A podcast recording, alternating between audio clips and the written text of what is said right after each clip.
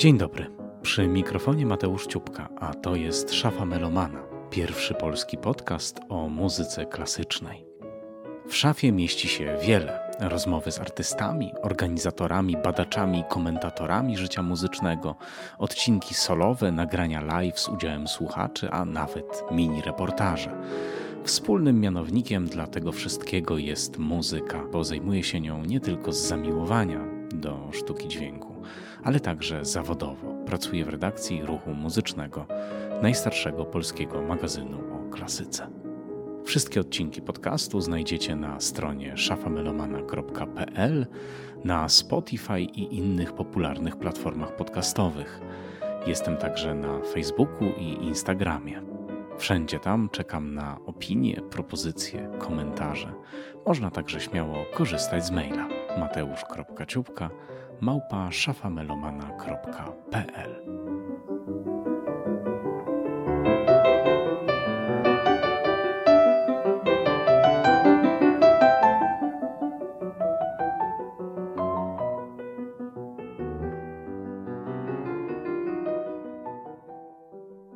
Temat inwazji e, wojsk Układu Warszawskiego na Czechosłowację nie jest e, może najoczywistszym tematem, jaki mógłby pojawić się w podcaście poświęconym muzyce klasycznej, ale ma on e, swój wymiar dźwiękowy, ma on swój wymiar związany z audiosferą, który poruszyła Adrianna Borowska, warszawska muzykolożka, wieloletnia współtwórczyni magazynu Glissando w swoim artykule w 2017 roku. Magazyn ten artykuł niedawno przypomniał, ja go przeczytałem z ogromnym zainteresowaniem i pomyślałem właśnie, że autorkę zaproszę do szafy Melomana, abyśmy e, trochę porozmawiali wokół tego tekstu. Oczywiście ten tekst bardzo Wam serdecznie Mm, wam, czyli słuchaczom szafy Melomana polecam. On nosi tytuł Usłyszcie ich krzyk, czyli o hałasie wokół inwazji na Czechosłowację w 1968 roku. A teraz już witam e, moją e, gościnę Adrianę Borowską. Cześć.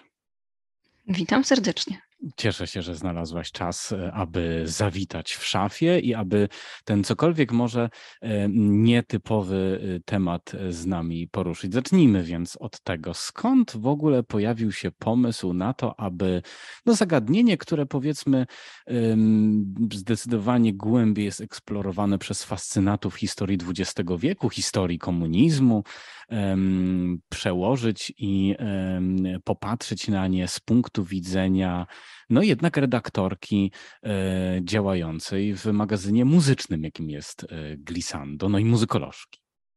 Może zacznę od tego, że e, tutaj tekst pojawił się w numerze 30 Glissanda, zatytułowanym New Music in Eastern Europe. Także ten numer pod redakcją Jana Topolskiego miał być poświęcony właśnie temu, temu obszarowi. A w trakcie właśnie akurat w 2016, na przełomie 2016-2017 roku, troszeczkę zgłębiałam się w historii Czechosłowacji, akurat tamtego okresu. Praska wiosna i, i audiosfera praskiej wiosny i, i inwazji, która, która miała miejsce w sierpniu. Wydała mi się ciekawa pod y, względem właśnie y, audiosfery, y, ze względu na to, że jak Czechosłowacja i Czechosłowacy jako mm, jedni, właściwie tylko im udało się w tamtym czasie wśród satelickich republik socjalistycznych dojść aż mm, aż zaistnieć aż tak de, de, demokratycznie, że ich, mm, że, że ich głos podczas pra, praskiej wiosny, głos obywatelski, głos społeczeństwa y, tak, tak y, wolnościowo zaistniał. I to był no taki właśnie. element y, tamtego, tamtego czasu. I dlatego, dlatego tutaj mm, to, to wydało mi się też, też ciekawe pod, pod względem również metaforycznie dźwiękowym.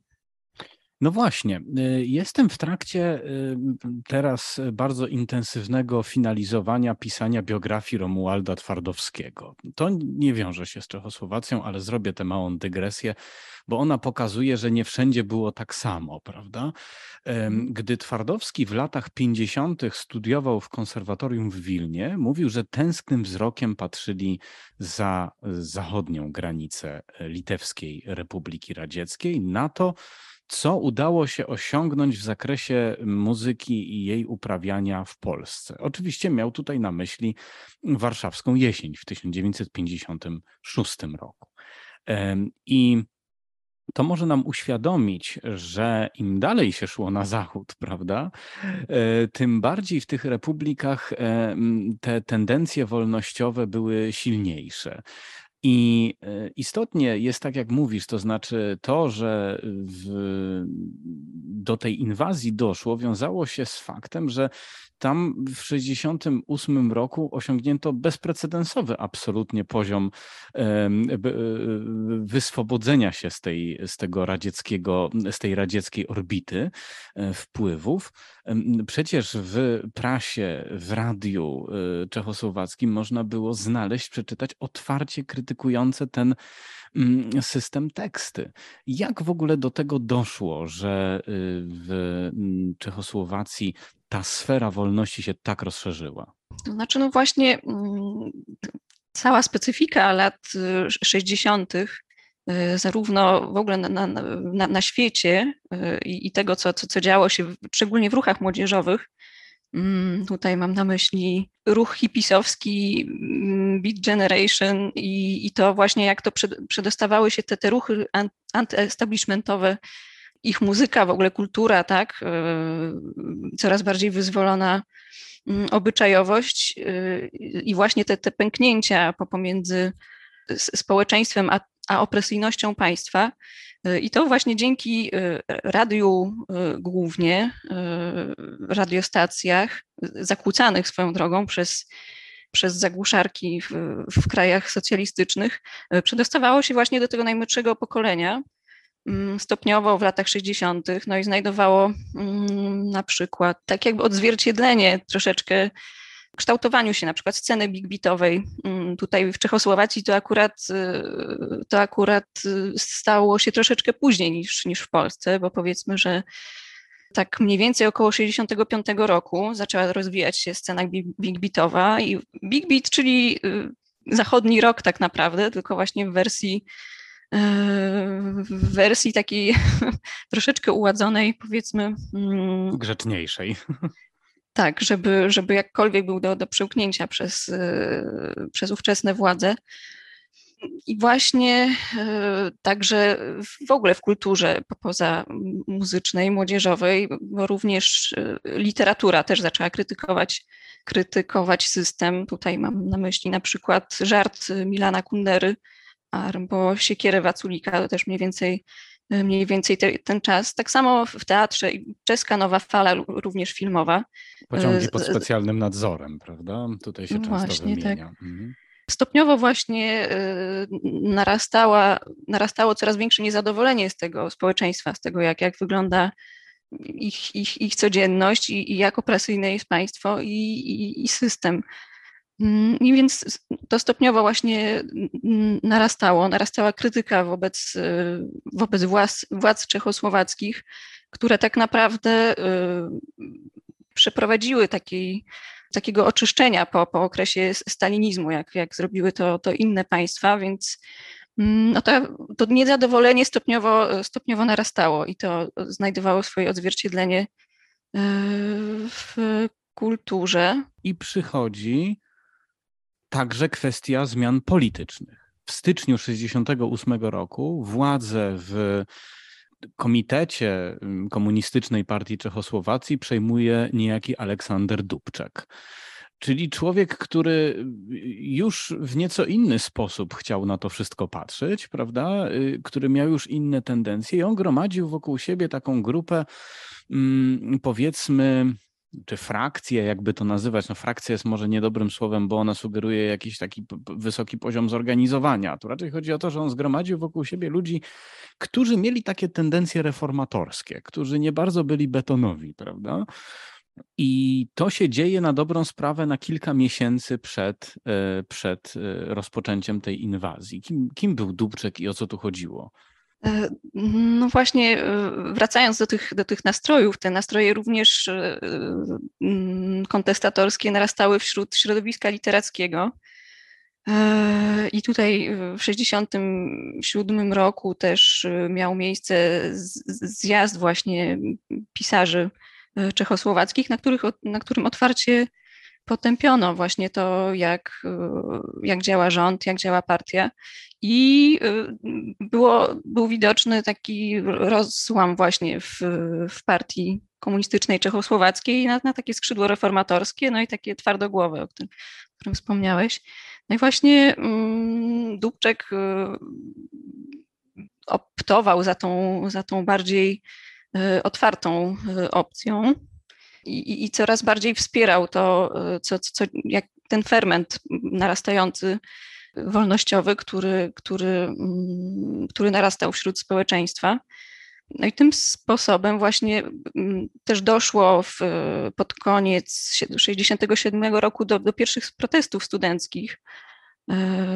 Już, już wtedy zaczęto wychodzić na ulicę to dało takie pierwsze, pierwsze zaczątki do tego, żeby, żeby jednak, jednak coś zmienić. I, I, tym sposobem właśnie na, w, w styczniu y, rozdzielono, bo wcześniej funkcje prezydenta i pierwszego sekretarza, te funkcje były łączone i w styczniu rozdzielono te, te, te funkcje i na E, na stanowisko właśnie e, pierwszego sekretarza mianowano Aleksandra Dubczeka. A prezydentem został Nowotny.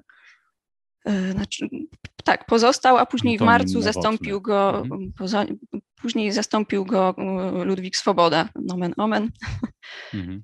I Dubczek powoli zaczął właśnie no, mianowanie go sekretarzem partii jest symbolicznym właśnie rozpoczęciem praskiej wiosny e, i tych e, liberalizujących e, reform, i, i z, które właśnie stopniowo tak naprawdę dawały zaczątek elementom społeczeństwa obywatelskiego i dawały dochodzić coraz bardziej Mm, do głosu społeczeństwu. No na przykład y, organizowano właśnie kluby studenckie, y, otwarte dyskusje, zakładano jakieś organizacje obywatelskie y, i no tutaj nie do przecenienia jest rola mediów, prasy, radia, potroszę też telewizji, które właśnie zaczęły, które właśnie zaczęły amplifikować głos obywateli, otwarcie krytykować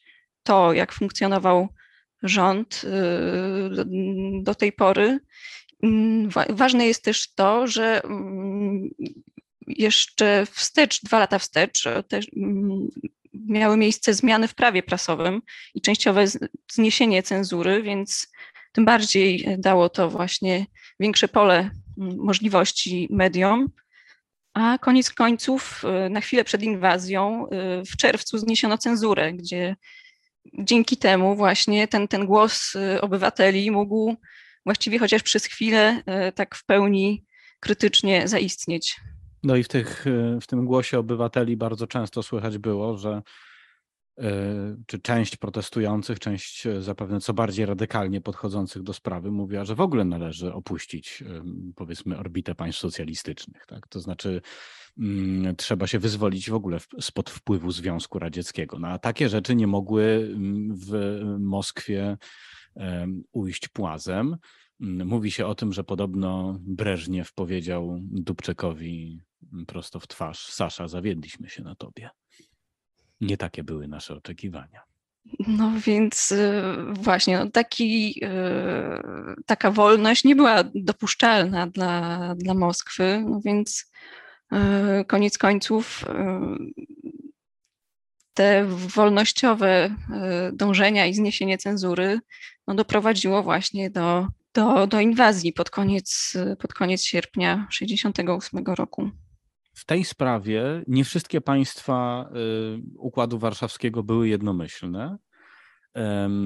Niektórzy y, byli przeciwni. Przeciwne, zdaje się, była Jugosławia na przykład. Dość duże spory trwają wokół tego, y, czy Polska była przeciwna, czy nie, ponieważ Polacy wzięli udział w tej inwazji. To jest niechlubna karta w naszych dziejach. Natomiast e, twierdzi się, że podobno w tych zakulisowych, e, a przynajmniej profesor Paweł Wieczorkiewicz tak twierdzi, że podobno w tych zakulisowych rozmowach Władysław Gomułka nie był zwolennikiem wzięcia udziału przez Polaków w tej, e, w tej inwazji. No, koniec końców chyba nacisk z Moskwy to sprawił że e, i nasze wojska w tym wzięły udział. No właśnie, i tutaj e, e, dopłynęliśmy do pewnego brzegu, ponieważ tu się zaczyna właśnie rozumowanie w Twoim tekście dotyczące tej audiosfery. W nocy z 21 na 22 sierpnia do Pragi 68 roku, do Pragi wkraczają wojska pięciu państw Układu Warszawskiego. I jak piszesz w swoim tekście, w ciszę zaspanej stolicy wdziera się dudnienie stalowych gąsienic czołgów i huk nadlatujących samolotów. Czyli to, te, te, te tragiczne wydarzenia y, oznajmia hałas. Y, jakie jeszcze dźwięki towarzyszyły temu wydarzeniu? Ja, no co, co składało się na audiosferę tej strasznej nocy i oczywiście kolejnych, kolejnych dni, które później nastąpiły? Mhm. Y, tutaj w tekście wprowadzam taką e, kategorię hałasu politycznego, mhm. poprzez którą interpretuję właśnie e, wydarzenia poprzez dźwięk, e, tak naprawdę. Mm, cóż się, cóż się kryje pod tym, pod tym pojęciem? Hałas z jednej strony właśnie w ogóle każda inwazja jest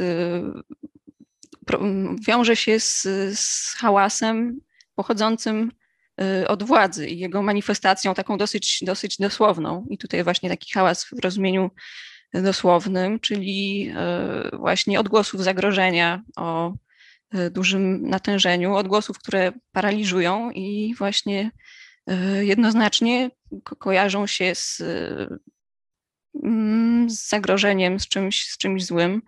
No i to są właśnie dosłownie te, te, te dźwięki e, nadlatujących samolotów, dźwięki wystrzałów i właśnie tych, tych stalowych gąsienic czołgów, które, które mm, było słychać podczas wjazdu, e, wjazdu wojsk Układu Warszawskiego. E, I tutaj ciekawą sprawą jest to, że społeczeństwo w takiej odpowiedzi dosyć spontanicznej, ale y, automatycznie wytworzyło swój y, własny hałas i Prażanie w odpowiedzi właśnie na ten hałas pochodzący od władzy y, użyli własnego hałasu, tak akurat tutaj w roli alarmującej i, i subwersywnej i włączyli po prostu klaksony w samochodach, mm, żeby, żeby właśnie dać znać wszystkim wokół i też dźwiękowo w pewien sposób zawłaszczyć przestrzeń ze swojej strony. Czyli mm. stawiali dźwiękowy opór, mówiąc krótko. Jednemu hałasowi przeciwstawili swój własny hałas. No właśnie, i tutaj mm, rysuje się taka ciekawa e, opozycja tego, jak e, funkcjonuje hałas w takich, e, pojęcie hałasu w takich sytuacjach. Mm, że z jednej strony właśnie opresyjnie, e, jako przemoc dźwiękowa, akustyczna pochodzi od władzy, a w odpowiedzi e, właśnie e, w odpowiedzi takiej subwersyjnej, jako protest, jako opór, jest przejmowany właśnie przez drugą stronę. No i tu, tu jest taka właśnie też ukryta transgresyjność tego, jak Mm, dźwięk y, w tym momencie tutaj pod postacią takiego i dosłownego, i metaforycznego hałasu przechodzi z, z tak zwanego pola władzy z jednej strony tej opresyjnej do tej, która chce się temu, tej opresji przeciwstawić. Tak? I jest formą protestu i oporu. No właśnie, i to jest formą protestu, która, którą, która ma ogromne znaczenie, dlatego że jak piszesz w swoim artykule, mm, przywołując słowa i koncepcje Jacques'a Attali, e, dźwięki i ich układy bardziej niż kolory i figury kształtują społeczeństwa. Każda ich organizacja jest narzędziem do tworzenia lub umacniania grupy, atrybutem władzy. E, czy e, zgadzasz się z poglądem, który tutaj został zaprezentowany, że jakby dźwięk, hałas jest takim Mm, no, najsilniej oddziałującym na społeczeństwo czynnikiem, który, którym władza może się posługiwać. Oczywiście no, poza takimi sprawami typu prawodawstwo, tak i tak dalej. No mówimy teraz o, o, o jakiejś rodzaju komunikacji, zakładam, tak, a nie o, nie, nie, nie o sprawach politycznych, tak, mm, czy, czy, czy prawnych. Mhm. E, tutaj mm, a Tali podchodzi do tego dosyć, dosyć symbolicznie, bo, bo dźwięk też rozumie dosyć, dosyć szeroko, nie tylko e, właśnie jako mm, dźwięk otoczenia, a, a właśnie dźwięk związany z, z wszelkim funkcjonowaniem, szczególnie właśnie, e, właśnie około, około politycznym, tak? E, czyli, czyli bardziej tutaj chodzi o mm, taką mm, dosyć szeroko rozumianą audiosferę, a nie, nie dźwięk taki zorganizowany, powiedzmy, kompozycyjnie, tak? I tutaj faktycznie, jeśli pomyśli się o, mm, o dźwięku jako o pewnej y, formie komunikacji na, na linii jednostka, społeczeństwo, władza, mm, i, i, i, właśnie tym, jak y, o tym, o tym przepływie dźwiękowości pomiędzy, pomiędzy tymi podmiotami, e, to dźwięk jako taka dosyć nieoczywista kategoria może, może faktycznie być taką bronią, która też nie dosyć oczywiście sprawuje, może być narzędziem władzy. Może stać się, stać się narzędziem władzy. Tym bardziej właśnie w społeczeństwach totalitarnych ta monopolizacja tak zwanych Mm, tak zwanego szumu, czyli tej komunikacji mm, pochodzącej od władzy. To jest dosyć emblematyczny przykład. No a z drugiej właśnie strony mm, nadzór, kontrola i cenzura, y, która jest nakładana właśnie na, na te jednostki i na społeczeństwo przez władzę. No właśnie, bo wróćmy teraz do wydarzeń tragicznych z 1968 roku. I tu znowu sobie pozwolę na mały przypis.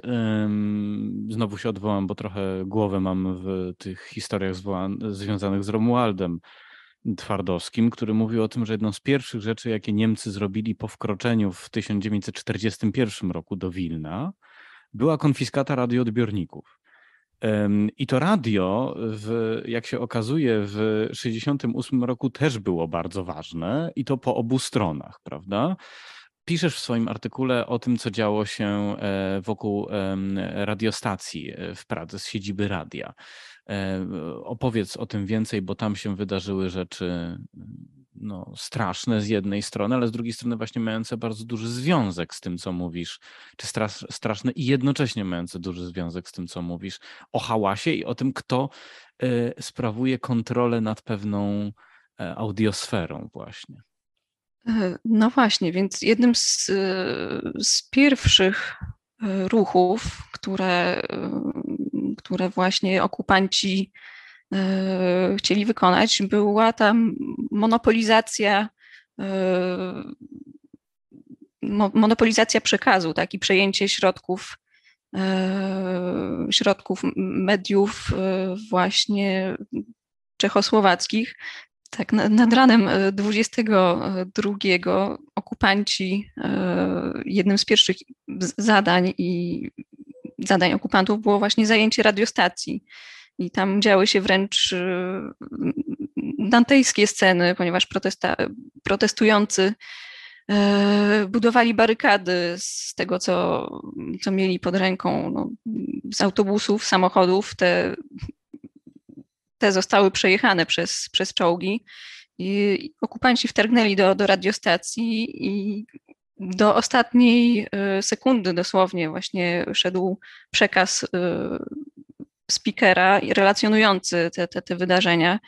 E, no i, i znowu ten dosłowny hałas, który, który się dział wtedy wokół, wycie syren, właśnie klaksony, wystrzały, wszechobecny huk.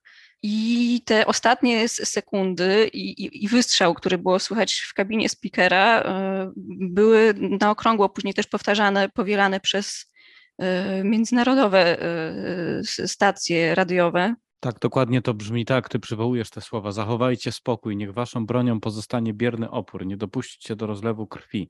Tego właśnie przecież oczekują. Nie dajcie się sprowokować. To były słowa właśnie owego spikera radiowego, no i e, po którym padają strzały i zapada cisza. No właśnie, i tutaj e, okupantom nie, dało, nie udało się e, zupełnie zawłaszczyć e, właśnie te, tej przestrzeni eteru radiowego e, Czechosłowaków, ponieważ mimo zajęcia właśnie tych, tych głównych radiostacji, Czechosłowacy nadal nadawali z takich prowizorycznych radiostacji które działały właśnie dzięki takiej formie mm, biernego oporu. Tam utrzymało się około 19, które nadawały cały czas, relacjonowały. Y, a że wtedy też emblematycznym jest to, y, że w tym czasie, w tym, w tym okresie, wielu Czechosłowaków posiadało radia tranzystorowe.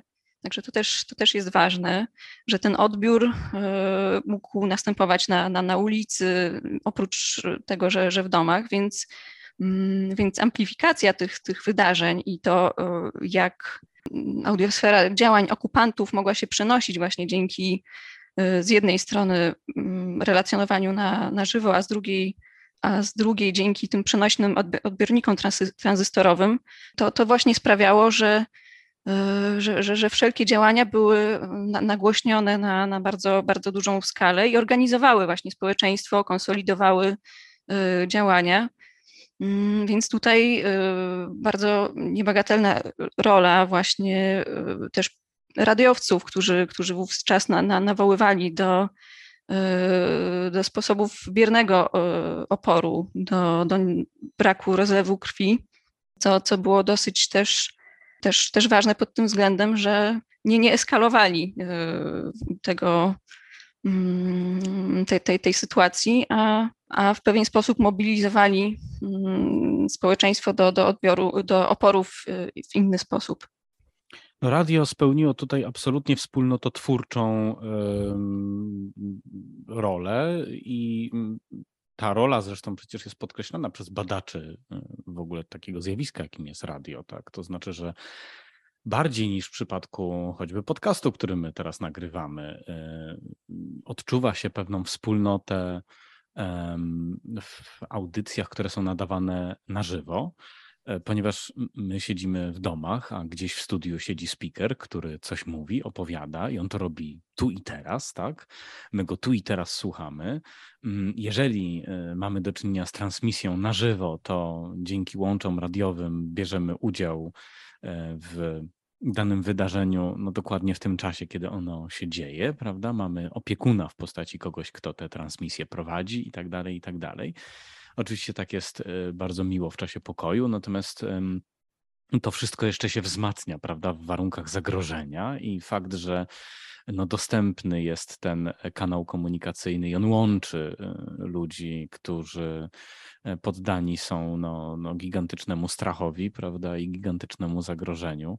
Jeszcze dodatkowo wzmacnia właśnie, właśnie tę wspólnototwórczą rolę radia.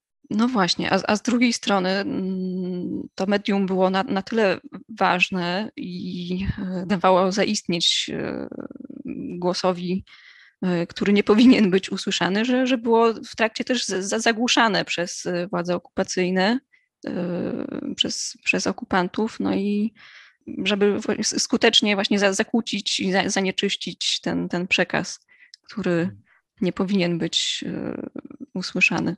Jednym z najtragiczniejszych epizodów tych wydarzeń związanych z inwazją było samo spalenie się dwójki ludzi, Palacha i Siwca. Siwiec był Polakiem, to mniej znany epizod, bo o śmierci i o samospaleniu się Palacha e, było głośno, natomiast o Siwcu, czy jego śmierć została zamilczana i dopiero w zasadzie po upadku systemu komunistycznego świat się o tym dowiedział. Siwiec mówił tak, usłyszcie mój krzyk, krzyk szarego, zwyczajnego człowieka, syna narodu, który własną i cudzą wolność ukochał ponad wszystko, ponad własne życie.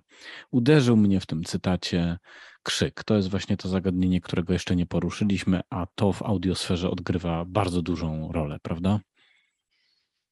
Mhm, prawda, zgadza się. No, szczególnie właśnie w audiosferze y, protestu, mm, gdzie krzyk jest taką naturalną formą przeciwstawienia się, y, właśnie naturalną formą takiego zewnętrznego protestu, tak dosłownie cielesnego, pochodzącego z ciała, no bo jest wytwarzany właśnie, właśnie przez, przez głos.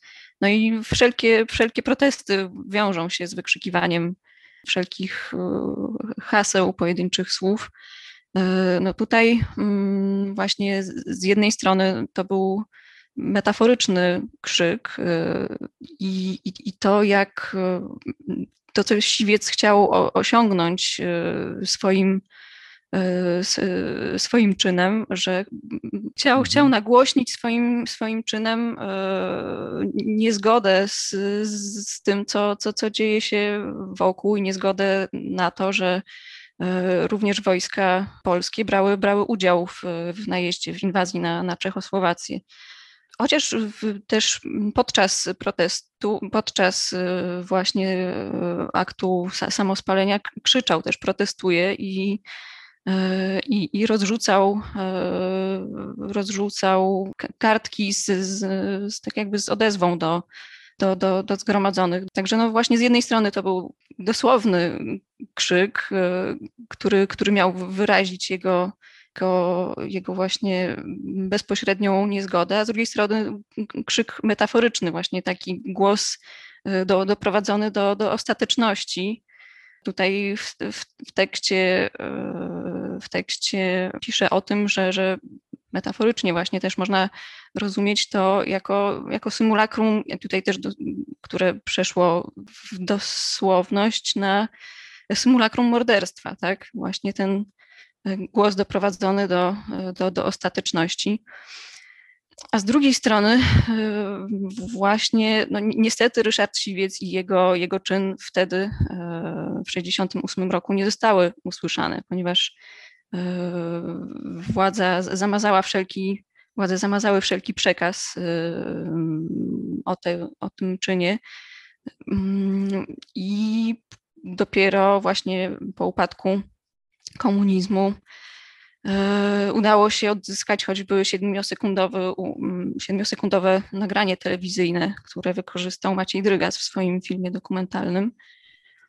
Mm, natomiast e, właśnie słychać było e, na arenie międzynarodowej też o, o czynie Jana Palacha, i, i też akcie, akcie samospalenia. Najprawdopodobniej y, nie, Jan Palach nie wiedział o, mm, o tym, y, że, że, że wcześniejszego protestu właśnie w podobny sposób dokonał Ryszard Siwiec. Mm, no i właśnie to nagłośnienie samospalenia Jana Palacha doprowadziło do, do kolejnych y, demonstracji y, i, i zamieszek w Czechosłowacji i też symbolicznie właśnie mm, zamykało pewien okres w historii Czechosłowacji i otwierało czas normalizacji, dalszego tłamszenia głosu obywateli, który podczas praskiej wiosny miał szansę zaistnieć.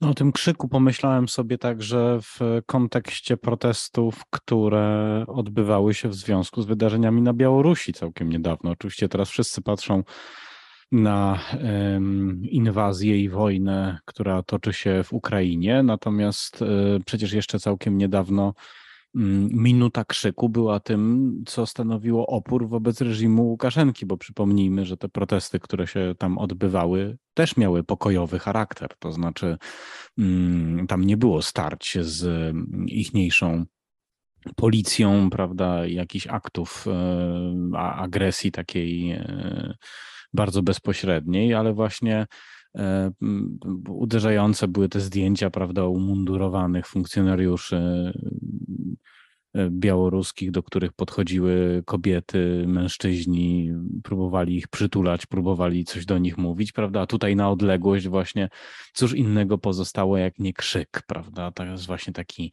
taki um, gest, tak jak mówiłaś, ostateczny czy głos doprowadzony do ostateczności. No i to jest właśnie mm, y, jakiś taki pomost, który y, łączy nasze y, obecne czasy bardzo niespokojne, mam wrażenie, z Twoim tekstem właśnie, bo ten nieprzypadkowo redakcja Glisanda przypomniała właśnie Twój artykuł kilka lat od jego napisania. Jak postrzegasz to, co się dzieje? Dzieje dzisiaj e, z punktu widzenia właśnie audiosfery, z punktu widzenia krzyku, z punktu widzenia hałasu. Mm, no właśnie, e, no ten tekst po, po pięciu latach okazał się niepokojąco aktualny i tak jak e, mówisz, zdecydowaliśmy się właśnie dlatego mm, opublikować go w tym czasie ponieważ y, no tutaj te, mm, te kategorie hałasu politycznego i hałasu pochodzącego z jednej strony od władzy, a z drugiej strony od e, a z drugiej strony właśnie hałasu subwersywnego pochodzącego od, od protestujących, od, od strajkujących albo od um, okupowanych. No, w ten sposób można rozpatrywać właśnie wszelkie wszelkie wydarzenia związane z inwazją e, wojskową czy, czy militarną, dosłownie, no a szczególnie to, co e, zdarzyło się i to, co się dzieje od 24 lutego na, na Ukrainie i tak zwanej specjalnej operacji militarnej, którą prowadzi Rosja. No w ten sam sposób można by było rozpatrywać sam moment inwazji Mm, zresztą e, bardzo ciekawie pisze o tym e, muzykolożka Lubow Morozowa e, w tekście opublikowanym na stronie Glissanda, zatytułowanym Podczas wojny zamień się w słuch. Opisuje moment inwazji i, i, to, i te dźwięki, które tę dźwiękowość, tę audiosferę, która, która tej, tej inwazji towarzyszyła w ten sam, e, w bardzo podobny sposób można by było e, interpretować właśnie tę mm, te propagandę, która w, tej, w tym momencie jest wytwarzana dosłownie przez, e, prze, prze, przez Rosję. Tylko, że no tutaj jest zupełnie nowy wątek, mógłby, mógłby dojść, powiedzmy, do takiego tekstu, który, mm, który mógłby powstać w tym momencie. E, ponieważ od tego czasu pojawiło się zupełnie nowe, e, nowe medium. E, wszelka propaganda teraz przeszła właśnie na, powiedzmy, do, do sfery cyfrowej, tak, do, do sfery internetu. No i tutaj niebagatelną rolę odgrywają media społecznościowe i to właśnie w jaki sposób informacje są rozprzestrzeniane tą drogą, więc Mm, tutaj można by było potwierać zupełnie, zupełnie nowe, nowe wątki. Oczywiście to już jest temat na zupełnie inną rozmowę, ale i z tą z tym, co mówisz, z tym zjawiskiem przecież łączy się takie widzenie tej propagandy poprzez metaforę dźwiękową, ponieważ mówi się przecież o szumie informacyjnym, tak? Mimo, że przecież co do zasady media społecznościowe żadnego szumu nie wytwarzają, co najwyżej serwery, które obsługują te platformy mogą sobie szumieć, ale, ale ta metafora jest niepozbawiona znaczenia. No to już jest oczywiście temat na zupełnie inną opowieść, być może do niej kiedyś wrócimy w podcaście szafa melomana, A tymczasem bardzo serdecznie Ci dziękuję i oczywiście przypominamy i zachęcamy do lektury wciąż dostępnego na stronie magazynu Glissando mm, Twojego artykułu. No i zachęcamy także do zastanowienia się nad tym i poszukiwania uchem tego, e, jak ten konflikt e, za naszą wschodnią granicą, ale i też inne konflikty, prawda? Bo przecież mm, my w Polsce również mamy wiele konfliktów, e, mogą być widziane mm, przez pryzmat hałasu. A moją gościnią była dzisiaj Adriana Borowska, warszawska muzykolożka, wieloletnia redaktorka magazynu Glissando. Dziękuję Ci bardzo. Dziękuję.